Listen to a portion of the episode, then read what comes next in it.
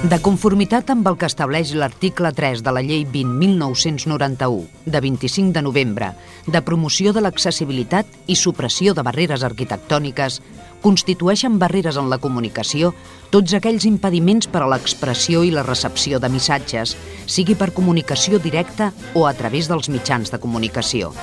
És per això que emparam-nos en aquesta llei, volem que cada ciutadà gaudeixi del seu propi espai per moure's, un espai sense censura, un espai en què vosaltres sigueu els protagonistes.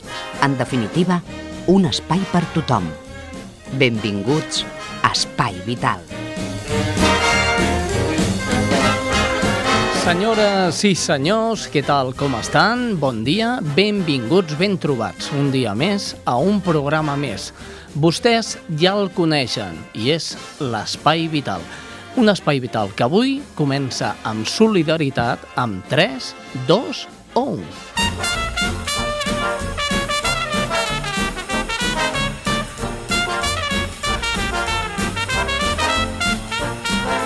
Espai Vital. I quan dic que comencem solidaris és que la SEC Catalunya contra el Càncer de Barcelona ha organitzat un sopar solidari. Sí, senyors, i per parlar d'aquest sopar solidari ens acompanya la directora gerent, gerent de la AEC Catalunya contra el Càncer. Ella és Àngela Sánchez. Àngela, bon dia. Hola, bon dia. Molt bé, em sembla que no m'equivoco, no? No, no, perfecte. Àngela Sánchez, tal qual. Molt bé, de què anirà aquest sopar? Aquest eh, sopar anirà de, de prendre consciència de que la recerca en el nostre país i concretament a Catalunya eh, no pot parar. No mm. pot parar perquè tenim una oportunitat d'or que és seguir mantenint els grans investigadors que tenim al nostre territori i seguint avançant per aconseguir a poc a poc, perquè és un camí bastant lent, eh, més el que desitjaríem, doncs, tenir, aconseguir a poc a poc fer camí per aconseguir la curació de la malaltia del càncer. En definitiva, aconseguir pasta, eh? Aconseguir diners perquè sí. puguem seguir donant diners als investigadors i no se'n se vagin molt i bé. puguin seguir fent recerca i aconseguir que aquesta malaltia doncs, a poc a poc es superi. No? Em sembla que es donen uns premis amb aquesta nit, no? Sí, precisament nosaltres eh, durant tot l'any recaptem fons eh, per recaptar diners per, per tant per recerca perdó, com per donar ajuda als malalts de càncer eh, a nivell social com, i, i psicològic com fer campanyes de prevenció. Doncs nosaltres el 25% dels nostres ingressos els destinem a la recerca i una part d'aquestes, els premis o, o, o premis, sí, els becats que enguany s'han emportat 5 premis de 18.000 euros cadascú per dur a terme una recerca durant, durant dos anys. Només em queda demanar-te a on.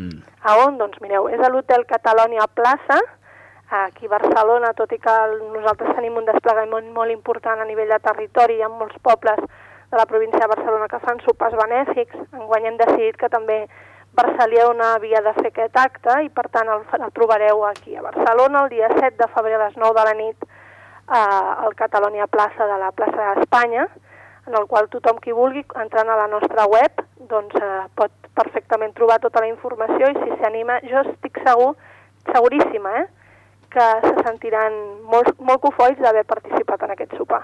Molt bé, ara et podria dir quin sopar hi ha preparat, però no t'ho diré perquè em sembla que això no, ja no et toca, no? Desvelaria una part, tot ah. i que el nostre lema del sopar és que l'important no és el sopar. molt bé. Doncs molt bé, i hi ha un preu de 70 euros, 70 euros sí, exacte. per persona eh, per fer reserves.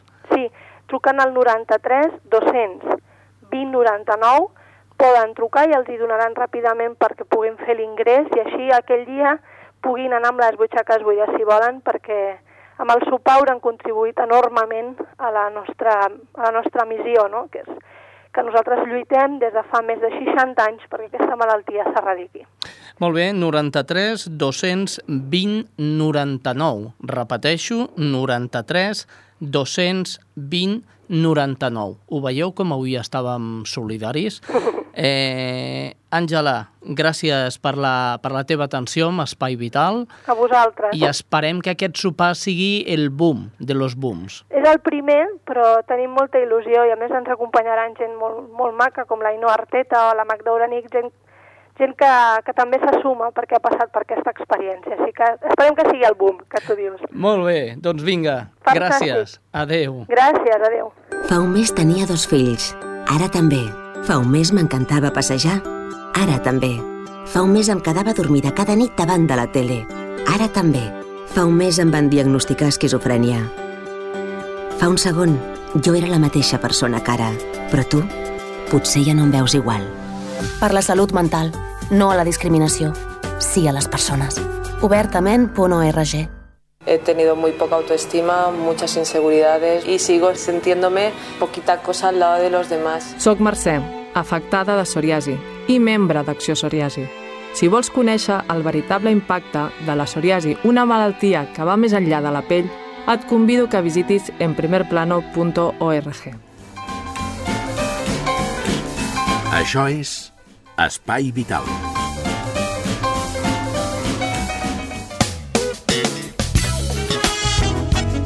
I amb l'afany de conèixer amb altres entitats, eh, eh, Espai Vital es posa en contacte amb la Fundació Raúl Folero. És una fundació que investiga i tracta els malalts eh, de lepra, una malaltia quasi bé, i dic quasi bé, ja ho entendran, eh, erradicada. I per parlar de la lepra i de l'associació tenim a l'altre costat del fil telefònic a José Luis Pérez Magro. Buenos días. Sí, buenos días. Don José Luis, eh, eh, no me equivoco cuando digo que lleváis muchos años trabajando. Muchos años. Nosotros en España, la asociación lleva ya 43 años trabajando. Eh, fue creada en el año 1967. Mm. Sí. Eh, Eh, eh, y fue y fue fue reconocida en Consejo de Ministros como como una asociación sin ánimo de lucro. ajá. Y os creáis precisamente por qué. Nos creamos, pues, pues mire, mm, unas unos, mm, personas eh, que trabajaban en un, bueno, pues en una fábrica eh, aquí en Madrid, los, los talleres de, de Induico del Corte Inglés, para Sí. más señas. Entonces allí mm, les hablaron de, de los enfermos de la lepra, de lo que, de, de- de- de cómo se encontraban en los centros de acogimiento y desde entonces pues eh, quisieron conocerlo y les- irles a llevar alegría, llevarles ayudas, ropa, lo que necesitaran y salían a autocares todos los fines de semana desde, esa, desde esos talleres concretamente hasta Trillo, hasta la, leprosería que entonces existía más próxima a Madrid, que es Trillo, que ya ha dejado prácticamente de, existir, o sea, ya quedan allí muy poquitos, unos, ancianos que no quieren salir de allí ya. Y de- desde entonces así fue como co- se conoció la lepra y conocimos a Raúl Foleró y a Raúl Foleró le pareció que era necesario que, se, que, que- que las asociaciones internacionales Raúl Foleró eh, perteneciéramos a ellas y desde esa fecha hemos em- pertenecemos a, a Raúl Foleró eh, a- a- en las- en lo que es la asociación internacional puesto que está repartida por todo el mundo. Muy bien, ¿quién era Raúl Folero? Raúl Foloró era un, pues era periodista, era dramaturgo, eh, nació 17 de agosto de 1903, justo, en Nevers, Francia. Hombre, supongo que estaba justificada la creación de una asociación en aquel tiempo. Pero mi pregunta es, eh, ¿es necesaria la asociación en los tiempos que estamos? Pues nosotros sigue siendo necesaria porque, mm, no, porque ya sabemos que en España hoy podemos dar por, por, por hecho que la lepra está curada, aunque siguen existiendo casos todos los años, mm, la mayoría son personas procedentes de otros países, pero sigue existiendo y, y- y tenemos que seguir existiendo para que no nos olvidemos de que la lepra sigue, sigue en el mundo. ¿eh? Por eso nosotros ten- nos- mm, todo nuestro trabajo en este momento lo tenemos dedicado al continente africano. En, eh, hoy, según están las, la- las circunstancias económicas, pues mantenemos solamente dos proyectos en, en África. Muy bien, ¿qué proyectos son? Mire, eh, uno de ellos mm, es un centro hospitalario que se construyó en el año 2001 en Bata, Guinea Ecuatorial. Allí acudimos pues porque nos lo pidieron unas religiosas, pidieron empezaron a empezábamos a mandarles medicamentos ya desde el año le hablo desde el año 97 98 les mandábamos medicamentos material para fabricar zapatos para los enfermos etcétera no y ya llegó un momento en que nos pusimos a la idea de construir este centro y así lo hicimos. Y desde el año 2002 septiembre del 2002 está funcionando ese centro Ah, es una enfermedad muy vieja, eh, pero es una enfermedad que hay que recordar. A ver, ¿qué, qué problemas tiene la lepra? ¿La imagen es eh, se nos cae la piel o una cosa así? ¿Qué es lo que trae? No, la, la lepra, su imagen depende de, del, del, tipo de lepra, de lepra que hay, ¿no? Pero lo suyo, sí, cuando la lepra está muy avanzada, eh, le diré que hay casos que yo he visto en Bata concretamente, de personas que se han quedado hasta ciegas. Han llegado a perder y, sobre todo amputaciones de, de, pies, muchas, de manos, los dedos, en, muchos enfermos. Eh, yo soy más reciente en la asociación porque yo llevo desde el año 86 colaborando con esta asociación en España pero en realidad fue cuando yo empecé a viajar a África con el presidente anterior, que falleció de, paludismo, Agustín López Manjón, y desde entonces yo empecé a conocer a los enfermos, al, verdadero enfermo de lepra con, deformaciones, que fue en, en África. ¿Cuáles son las primeras señales que da la enfermedad? Mm, son unas manchas que aparecen eh, por todo el cuerpo, pero muy concretamente en la espalda. Ajá. Muy bien. Pues una enfermedad mm, cruel, por lo que por lo que se ve, ¿no? Cruel. Cruel, cruel. Bueno, erradicada, podríamos decir, en, al menos de nuestro país ya, podríamos llamarla erradicada, aunque haya algún caso. Podemos llamarla erradicada, puesto que lo que mm, en este momento nosotros como asociación nos dedicamos en España simplemente a la labor social. Nos hemos ocupado siempre porque para eso estaba la seguridad social y seguimos ocupándonos pues porque sigue habiendo enfermos con deformaciones y que necesitan ayudas. Eso en España. Hoy, por ejemplo, el, sanatorio que todavía está, yo creo que es el único que queda al sur de Europa, como yo digo, es, es Fontillas. Fontillas. Bueno. ¿Tenéis una relación de casos eh, aquí en España o...? Sí, sí, tenemos, tenemos relación de enfermos. Incluso mm, hoy los enfermos que están en la zona centro, por ejemplo, Madrid y, y Castilla, perdón, la zona de, de, de Toledo, Castilla-La Mancha, todos estos pueden venir a visitar, se pueden visitar aquí ambulatoriamente en Madrid. Hay una doctora, la doctora Clavo, que es lepróloga y está en un centro de sanidad de la Seguridad Social y los atienden ahí. Hay muchos enfermos ¿eh? que se dedican a esto. Mm, perdón, perdón, médicos. muchos médicos, sí. Sí, sí los hay, sí. Mm, yo con el que más trato, ya le digo, es con la doctora Clavo, es con la que más trato, ¿no? Pero luego los hay también en el Ramón y Cajal, por ejemplo, el Hospital Ramón y Cajal también hay leprólogos. ¿eh? Pues muy bien, y el próximo día 27 de enero eh, se celebra el Día Mundial de, los Leprosos, ¿no? Eso es. Efectivamente, el, el, último domingo del mes de enero. De mes de enero, la, la 60 Jornada Mundial de los Leprosos. ¿Qué actividades, ¿Qué actividades se van a hacer desde la asociación? Nosotros en, la asociación una de las actividades más importantes que tenemos es la se celebra una Eucaristía en la iglesia de San Jerónimo el Real, a la que acudirá nuestra presidenta de honor, como todos los años va, doña Margarita de Borbón y su esposo, el doctor Federica. Muy bien, don José Luis Díez Magro, eh, presidente de la Asociación Raúl Folero, amigos de los leprosos, le agradecemos muchísimo la atención con Spy Vital y le animamos a seguir haciendo una labor tan importante como la que llevan adelante. Muchísimas gracias. Tenemos que seguir luchando, como bien decía nuestro fundador, que teníamos que seguir y no porque no hay que abandonar nunca. Y prueba de ello es que siguen apareciendo miles de casos en, en todo el mundo todos los años. Muchas gracias. Muchas gracias a ustedes. Això és Espai Vital. I des de Cerdanyola, Ripollet, Montcada, Barberà, Santa Perpètua i Sabadell.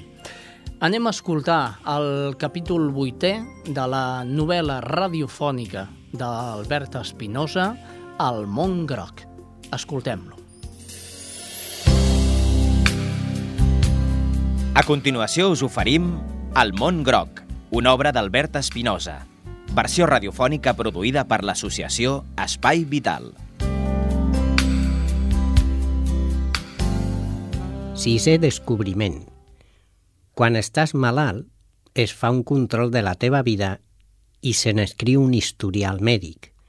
Quan vius, n'hauries de tenir un altre, un historial vital. El meu historial mèdic és interminable. Es va anar engreixant dia a dia, més a més i any rere any. La darrera vegada que vaig anar a l'hospital el transportaven amb un carretó. Pesava tant que ja no el podia encarregar mà. M'agrada el color de la carpeta de l'historial, sobretot perquè manté el mateix to que tenia quan tot va començar. Poques coses a la nostra vida es mantenen idèntiques. Continua sent de color gris neutre. A mi no em sembla lleig el color gris, però té mala premsa, quin dia més gris i tot això. És un color poc preuat, només el supera el negre. Però crec que és el color ideal per a un historial mèdic, perquè penso que ha de tenir classe, i el gris és un color amb molta classe. Al meu historial hi ha lletres de més de 20 metges. 1. El meu oncòleg. Professió estranya, però algú l'ha de fer. Són els dolents de la pel·lícula per a tots els malalts de càncer. Sense cap mena de dubte, són els metges que trien aquesta especialitat els que mereixen tota la meva admiració. 2. El meu traumatòleg. Són els qui s'emporten tots els èxits. A mi m'hauria agradat ser traumatòleg, crec que és el més semblant a ser Déu. 3. El meu terapeuta de recuperació, radiòleg i, i tal i tal. La llista és interminable. Em recorda quan de petit anava a casa autògrafs de futbolistes. Això és el mateix, però amb especialitats mèdiques i amb la diferència que en lloc d'un únic gargotín intel·ligible n'hi ha centenars. L'últim dia que vaig veure el meu expedient va ser a la consulta de l'oncòleg i va escriure «El pacient s'ha curat». A sota, ho recordo perfectament, i va traçar una ratlla horitzontal. Em va impressionar molt aquella ratlla. Va, va tancar l'historial, el va tornar a deixar al carretó i apa. Vaig pensar que no el trobaria a faltar. Però quan vaig tornar a la vida normal, vaig pensar que seria una bona idea de fer-ne un, però no un historial mèdic, sinó un historial vital. Vaig comprar una carpeta, grisa, clar, i vaig pensar que hi podia guardar. Era clar que escriuria un diari. Els diaris són vitals i altament recomanables. Què millor que poder tornar a llegir allò que fa dos anys t'amoïnava i adonar-te que ara t'importa un raba. Però els diaris només són una part d'un historial vital. No n'hi ha prou. El plaer d'alimentar un historial vital és que conté tot allò que passa al llarg de la teva vida, els teus moments de vida. I quan una cosa et trasbalsa i pots recórrer, obrir-lo i respirar vida. Us deveu preguntar si cal d'un control de la pròpia vida. La resposta per a mi és un sí rotund. Sabeu quin sentit tenia l'historial mèdic?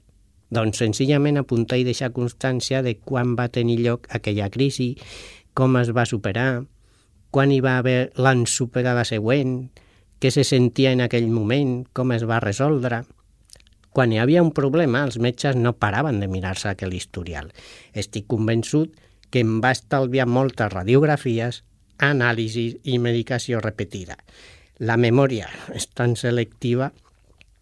La part positiva d'escriure les coses és que t'adones que la vida és cíclica. Tot torna. El problema és que la nostra memòria és reduïda i molt oblidadissa. Realment és fascinant veure que els mals i les alegries vitals es repeteixen i que a la història vital hi ha les solucions de totes les coses. Sé que penseu, no us amoïneu, no hi haureu de dedicar gaire estona. Només hi heu d'escriure uns quants minuts al dia i reunir objectes faran la funció de les radiografies i de les anàlisis de sang. Són importants. Cap historial existeix sense proves, en aquest cas de la vostra vida. Poden ser un bocí d'un tovalló de paper, d'aquell restaurant en què vau aconseguir una cosa que volíeu, pedretes d'una illa, on vau fer un pas important i us vau sentir plens, o senzillament un tiquet d'aparcament del centre comercial on vau veure aquella pel·lícula que us va canviar la vida. El vostre historial vital s'engreixarà i amb el temps potser fins i tot haureu de comprar una segona i una tercera carpeta. Potser un dia us morireu i els vostres fills, els vostres amics, els vostres grocs, heretaran aquest historial vital i sabran que us feia feliç, que us feia sentir ple. Hi ha res més bonic que el fet de que et coneguin millor? Jo no ho crec pas. Aquesta és la gran recompensa, obrir les capses de la gent que t'estima, saber-ne més coses. Tinc tants amics que tenen capses que desconec que quan en descobreixo alguna altra cosa em sento més feliç i més complet. Repassem la llista per a l'historial vital. 1. Compreu una carpeta gran gairebé com una capsa, el color l'heu de triar vosaltres, però jo us recomano el gris. 2. Escriviu-hi cada dia tres o quatre coses que us han fet sentir feliç. Només això. No cal enrotllar-se més. Escriviu-hi avui m'he sentit feliç un moment determinat del dia. I ja està. 3. Apunteu l'hora, el dia, el lloc i el motiu. Tot ha de tenir a veure amb la felicitat? No, és clar que no. També podeu parlar de nostàlgia, de rialles, d'ironia, però tot ha de ser positiu.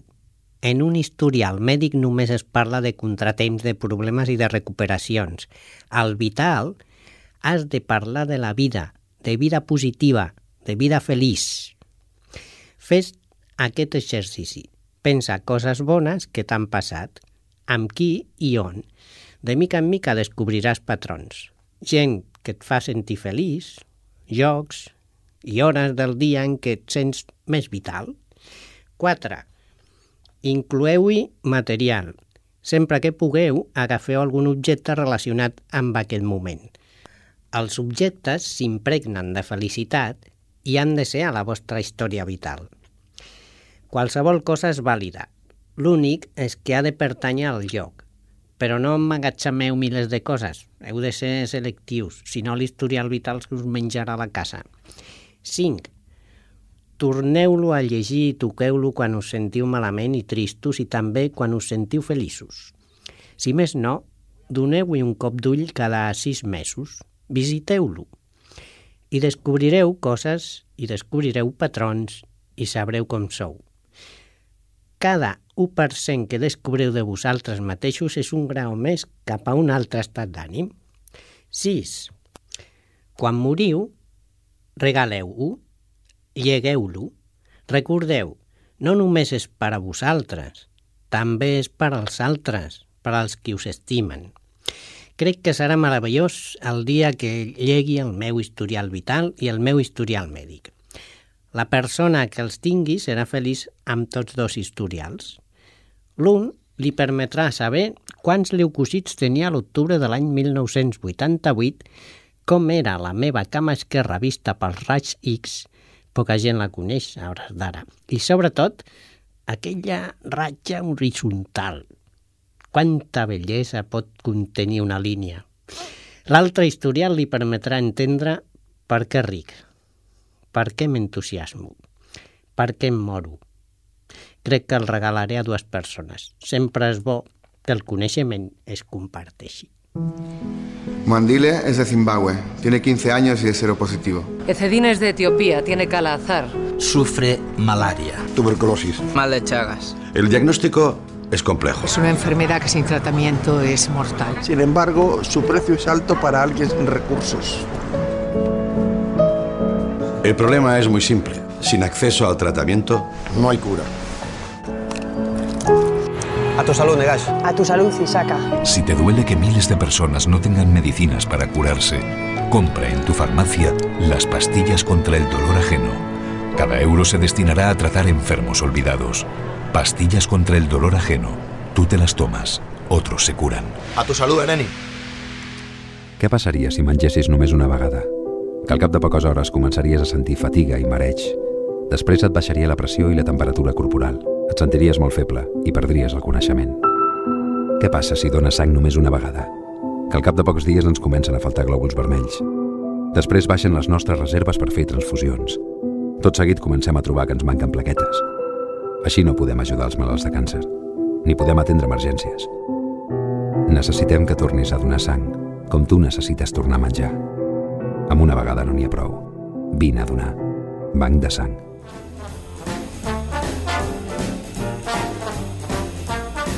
Això és Espai Vital.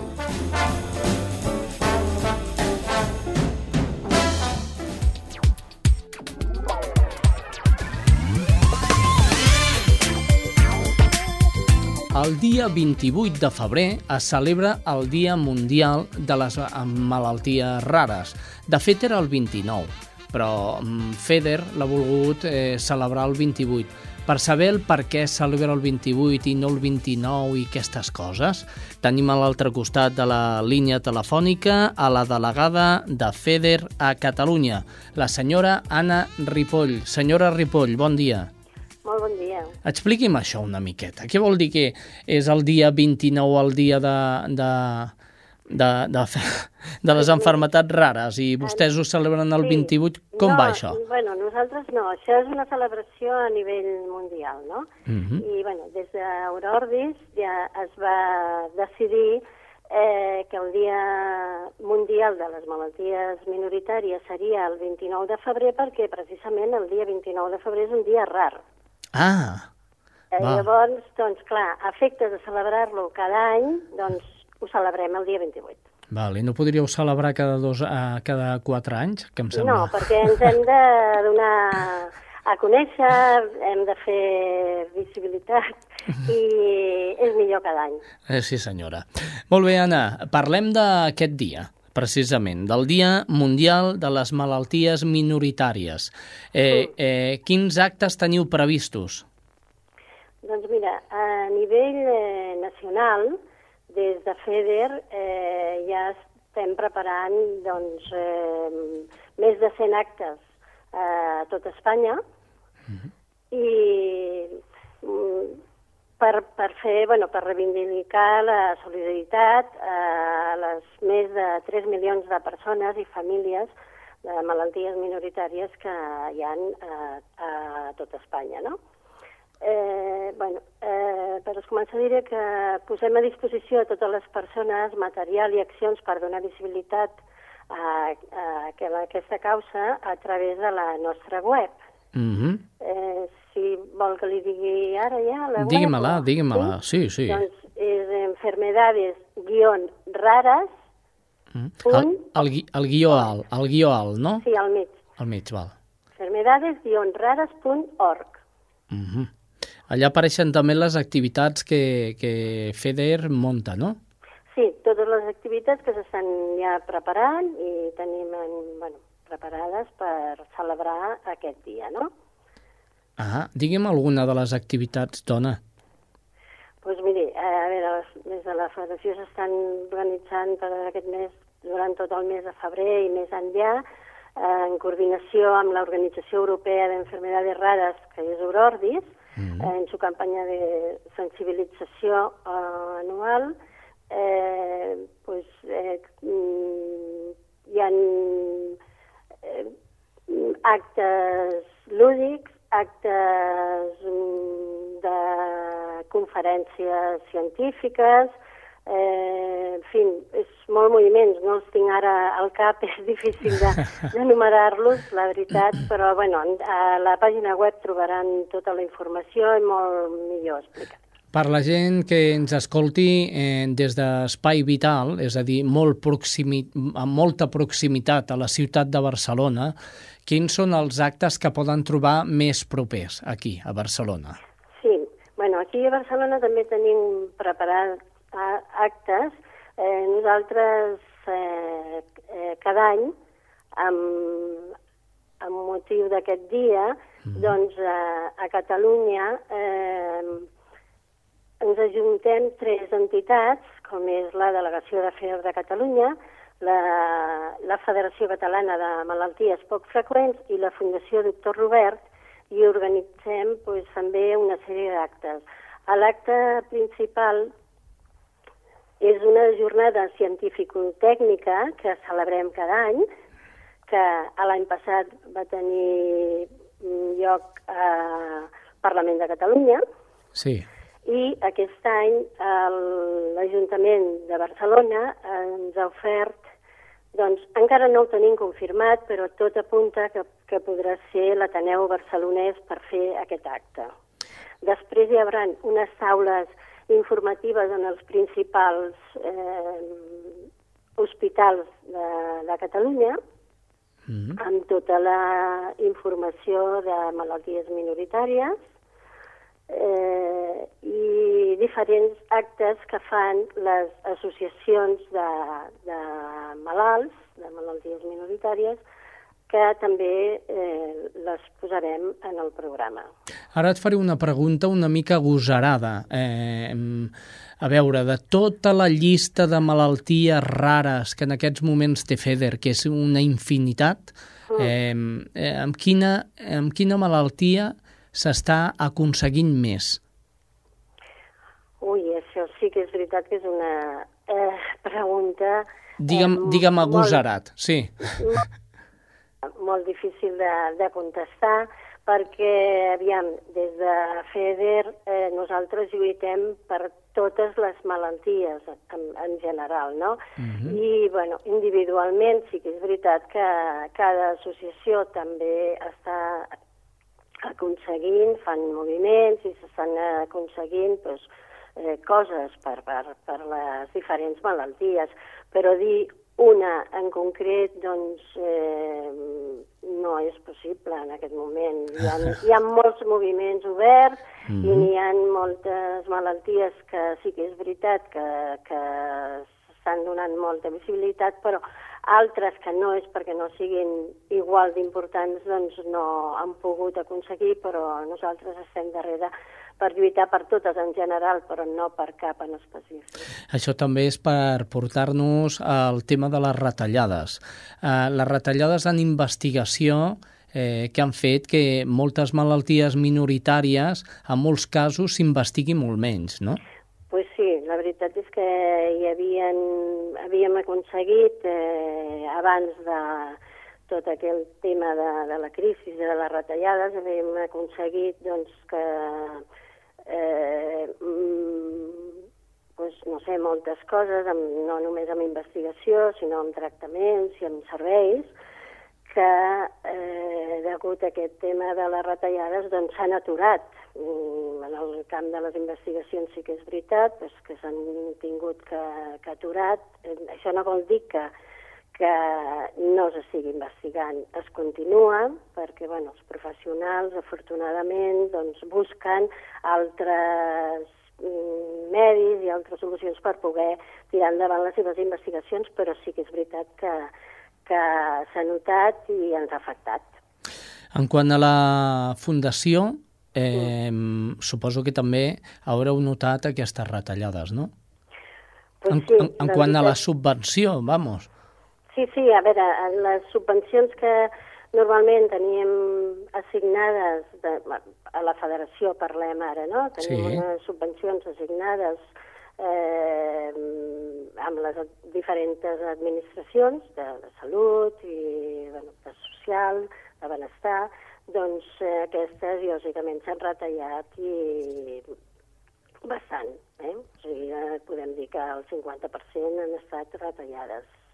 I lògicament, doncs clar, ara ens hem de moure i intentar doncs, eh, buscar recursos per, per altres vies. Mm -hmm. Doncs Anna Ripoll, és el que volíem saber. Gràcies, eh, gràcies a la delegada de FEDER a Catalunya, gràcies Anna, eh, i esperem que aquesta llista tan llarga eh, la puguem anar reduint poquet a poquet. Pues sí, nosaltres, com ja li deia, a la pàgina web tenim publicada doncs, una sèrie de propostes que hem dirigit a, tant al Ministeri com a les diferents comunitats autònomes d'unes propostes que ens agradaria poder aconseguir. Ah, una cosa que volia dir, no volia deixar-la de dir, és que bueno, eh, aquest any eh, el Ministeri de Sanitat va designar l'any 2013 com l'any de les malalties minoritàries. Ah i bueno, és per aquest motiu que nosaltres volem aprofitar per fer arribar a totes les administracions i al Ministeri i a totes les comunitats autònomes doncs, perquè eh, bueno, tinguin en, en compte i tinguin en compte aquestes propostes i poder-les aconseguir. Molt bé, doncs amb això ens quedem. I un, un telèfon, un telèfon, abans, per qui vulgui trucar a FEDER un telèfon fixe de la delegació que és el 93 205 60 82. 93 205 60 82. Sí. Doncs, Anna Ripoll, gràcies i fins una altra. Pues moltíssimes gràcies a vosaltres.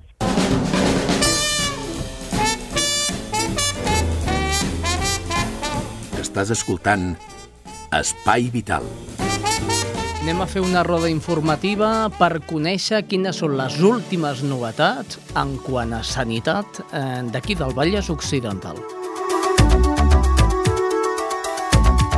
I el primer punt on ens informem és a Cerdanyola. Des de Cerdanyola Ràdio ens informa Rosa Morante. Hola, avui des de Cerdanyola Ràdio us expliquem que el grup local de la FEM, la Fundació Esclerosi Múltiple, prepara per al dia 2 de febrer a l'Ateneu l'activitat Fem Dansa a benefici de la Fundació. Les entrades per a l'espectacle, la recaptació del qual es destinarà íntegrament a la investigació i al tractament d'aquesta malaltia, ja s'han posat a la venda al mateix Ateneu a un preu de 10 euros. La dansa s'unirà així per primer cop en un espectacle a favor de la lluita contra l'esclerosi múltiple. El grup de voluntaris de la FEM a Cerdanyola, encapçalats per Xavier Casas, ha organitzat aquest espectacle que tindrà lloc al Teatre de l'Ateneu a partir de les 7 de la tarda. Segons Casas, a més de recollir fons econòmics, és molt important continuar treballant per la sensibilització i coneixement d'una malaltia que encara és bastant desconeguda. L'espectacle comptarà amb les actuacions del grup de dansa Víctor Rodrigo, grup de dansa Anna Agustí i companyia, Psicoart, Prodans i Irene Ruiz Riveros. Xavier Casas destaca que totes les activitats que es venen organitzant en els darrers anys a Cerdanyola s'han destinat a la investigació i al Centre d'Esclerosi Múltiple de Catalunya, que per fi ja és una realitat. El centre està funcionant ja a ple rendiment a l'Hospital de la Vall d'Hebron i suposa una atenció integral al malalt d'esclerosi múltiple, des de la detecció de la malaltia fins al tractament mèdic i el tractament de fisioteràpia. Cada any es recapten a Cerdanyola entre 10 i 12.000 euros per a la FEM, la millor recompensa per a la tasca que realitzen voluntaris i que compta amb moltes altres implicacions, a més de la participació dels ciutadans en general. A tots ells, Xavier Casas els hi agraeix la seva aportació desinteressada. I de moment això és tot. Fins la setmana vinent. Gràcies, Rosa Morante, de Cerdanyola cap a Ripollet. Allà ens informa Francina Ricard. Una salutació als amics i amigues de l'Espai Vital. El guany al Centre Ocupacional Espassura ha presentat l'obra Energies, que va estrenar el passat 26 de gener al Teatre Auditori. Un total de 38 usuaris i usuàries d'Espassurs van actuar en aquesta obra escrita amb motiu de l'any de les energies renovables que se celebra el 2012. Energies vol ser una porta a l'optimisme representant l'esperança de fer de la Terra un món, un món menys contaminat.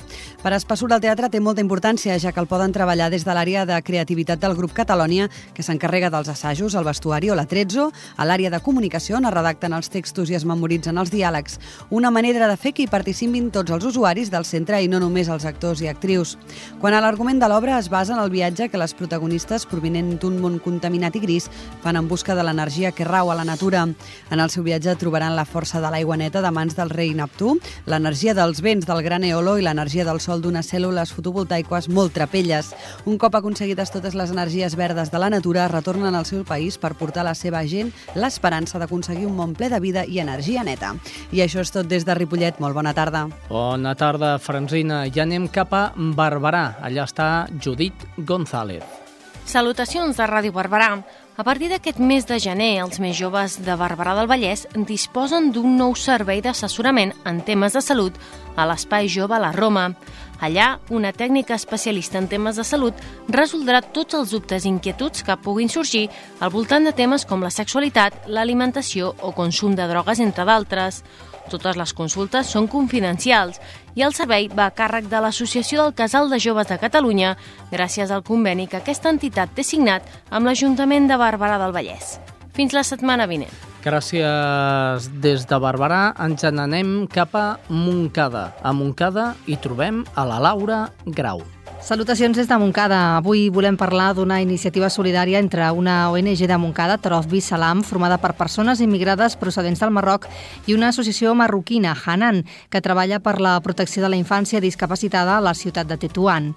Tarofbi Salam ha donat un minibús a l'associació Hanan, que compta actualment amb un centre educatiu a Tetuan on hi ha escolaritzats 300 nens i nenes d'entre 3 i 16 anys amb diferents problemes de mobilitat i necessitats educatives especials. Aquest és el segon vehicle que l'entitat moncadenca fa arribar a l'ONG marroquina, que l'utilitzarà per al transport dels infants. El minibús de final dels 90 era propietat de l'empresa Transports Metropolitans de Barcelona, que el va cedir a Tarof Bisalam. Hanan també gestiona un altre centre a Tetuan que acull nens amb discapacitats visuals. Això és tot des de Montcada Ràdio per l'Espai Vital.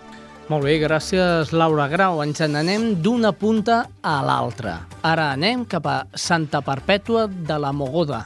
Allà es troba l'estrella Núñez. Salutacions des de Santa Perpètua. El Servei d'Atenció Domiciliària, el SAT, i el Servei d'Atenció a la Llar, el SALL, compten amb un total de 208 usuaris. L'Ajuntament de Santa Perpètua destina per a aquests serveis en el pressupost de 2013 un total de 720.000 euros. El president de l'àrea de Benestar Social i Atenció a les Persones, Francesc Rodríguez, ha expressat que per primera vegada aquest servei està pressupostat amb l'import necessari, evitant així el dèficit que fins ara s'anava produint. Els serveis d'atenció domiciliària són un conjunt de recursos i accions adreçades a les persones que per edat, dependència o discapacitat tenen limitada l'autonomia per realitzar les activitats bàsiques de la vida diària o requereixen atenció permanent i a distància. Des de Santa Perpètua us desitgem una molt bona setmana. Molt bé, gràcies, Estrella. I anem ja per últim, per, a, per acabar la roda, ens n'anem a Sabadell. Des d'allà ens informa Karen Madrid. Salutacions des de Sabadell. Prevenir les drogadiccions és l'objectiu de la mostra que és a la ciutat, al passeig de la plaça Major, durant els pròxims 30 dies. Sota el nom de Parlem de Drogues, la iniciativa impulsada per l'obra social La Caixa pretén ser una font d'informació per la seixantena de grups escolars que es preveu que hi passin, així com pel públic familiar, pels joves i pels professionals de l'àmbit sanitari. La mostra opta pels exemples pràctics i interactius per explicar on es produeixen les drogues, el pes econòmic que suposen i sobretot els efectes que tenen per l'organisme. En aquest sentit, es pot veure la diferència entre una taranyina teixida per una aranya normal i una feta per una aranya sotmesa als gasos de LSD, o la visió, per exemple, nocturna d'un conductor sota els efectes de l'alcohol. És tot des de Sabadell.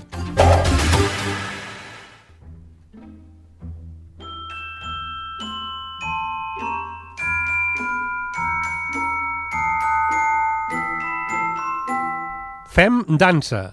Dissabte, 2 de febrer, a les 7 de la tarda i al Teatre de l'Ateneu, Víctor Rodrigo, grup de dansa, Anna Agustí i companyia, Psicoart, Prodance i Irene Ruiz Riveros, de Bliss Dance, grup de Nova York, Estats Units, oferiran l'espectacle Fem Dansa. Entrada 10 euros. Tota la recaptació anirà destinada a la Fundació Esclerosi Múltiple. Anem ràpidament amb la cuina de Conxita Naudi. Hola, amics. Ara us faré una recepta de musclos amb cervesa.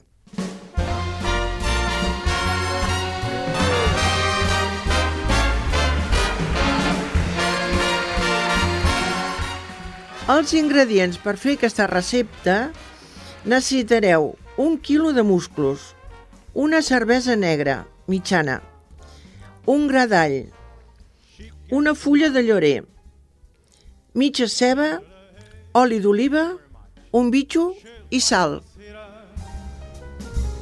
Never come late. She never bothered. La preparació és molt senzilla. Mireu, netejarem els musclos que quedin ben nets i gratats per treure les adherències aquestes externes que tenen com fregall, tot amb aigua freda. Aleshores tallarem la ceba a trossets petits i junt amb l'all tallat petit i el bitxo els posarem a una cassola amb una mica d'oli. El foc té que estar baix i els ingredients que hi hem posat s'han d'anar coent suaument. És a dir, que la ceba té que quedar ben estovada.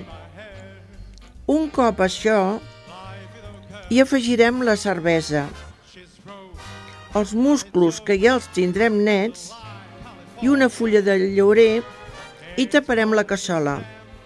I deixem que els musclos es vagin obrint a poc a poc. Quan són oberts, ja els tindrem cuits. Els traiem del foc, els hi traiem les closques i els posem en una plata.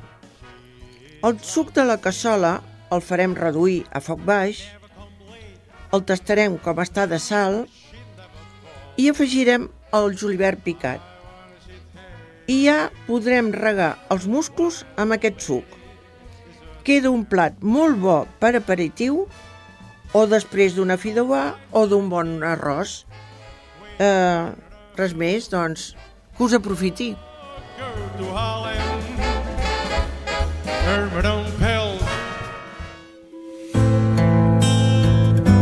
Molt bé, fins aquí arribem. Eh, tornem a partir d'aquí una setmana. Eh, no ens perdin d'oïda que tornarem. Jordi Puy al control tècnic i qui els ha parlat, el Xavi Casas. Apa, adeu-siau. Enséñame a rozarte lento. Quiero aprender a quererte de nuevo. Susurrarte al oído que puedo. Si quieres te dejo un minuto pensarte mis besos, mi cuerpo y mi fuego, que yo espero si tardas, porque creo que te debo mucho. Ahora que me he quedado solo, veo que te debo tanto y lo siento tanto. Ahora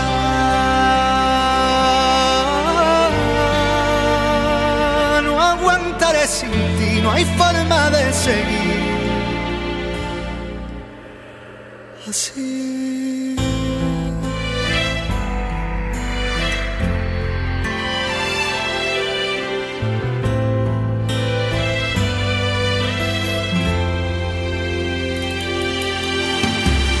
A jugar a escondernos, besarnos y de pronto nos vemos. Desnúdame y ya luego veremos.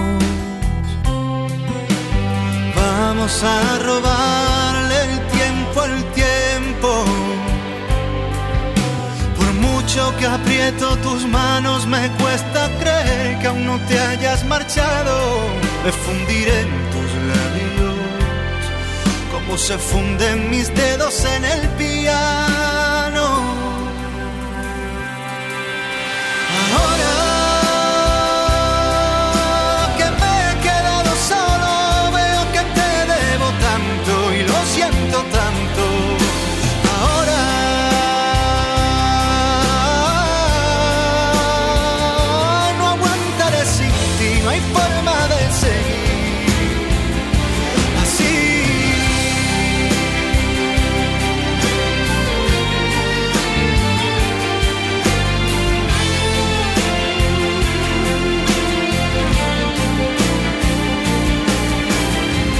Me enseñaste a ser sincero sin temor a lo que pienso, evitando la mentira. Tú que siempre has estado presente cuando no estaba la gente que tanto me prometía. Tú que me enseñaste a ser sincero sin temor a lo que pienso, evitando la mentira. Tú que siempre has estado presente cuando no estaba la gente que tanto me prometía. Ah,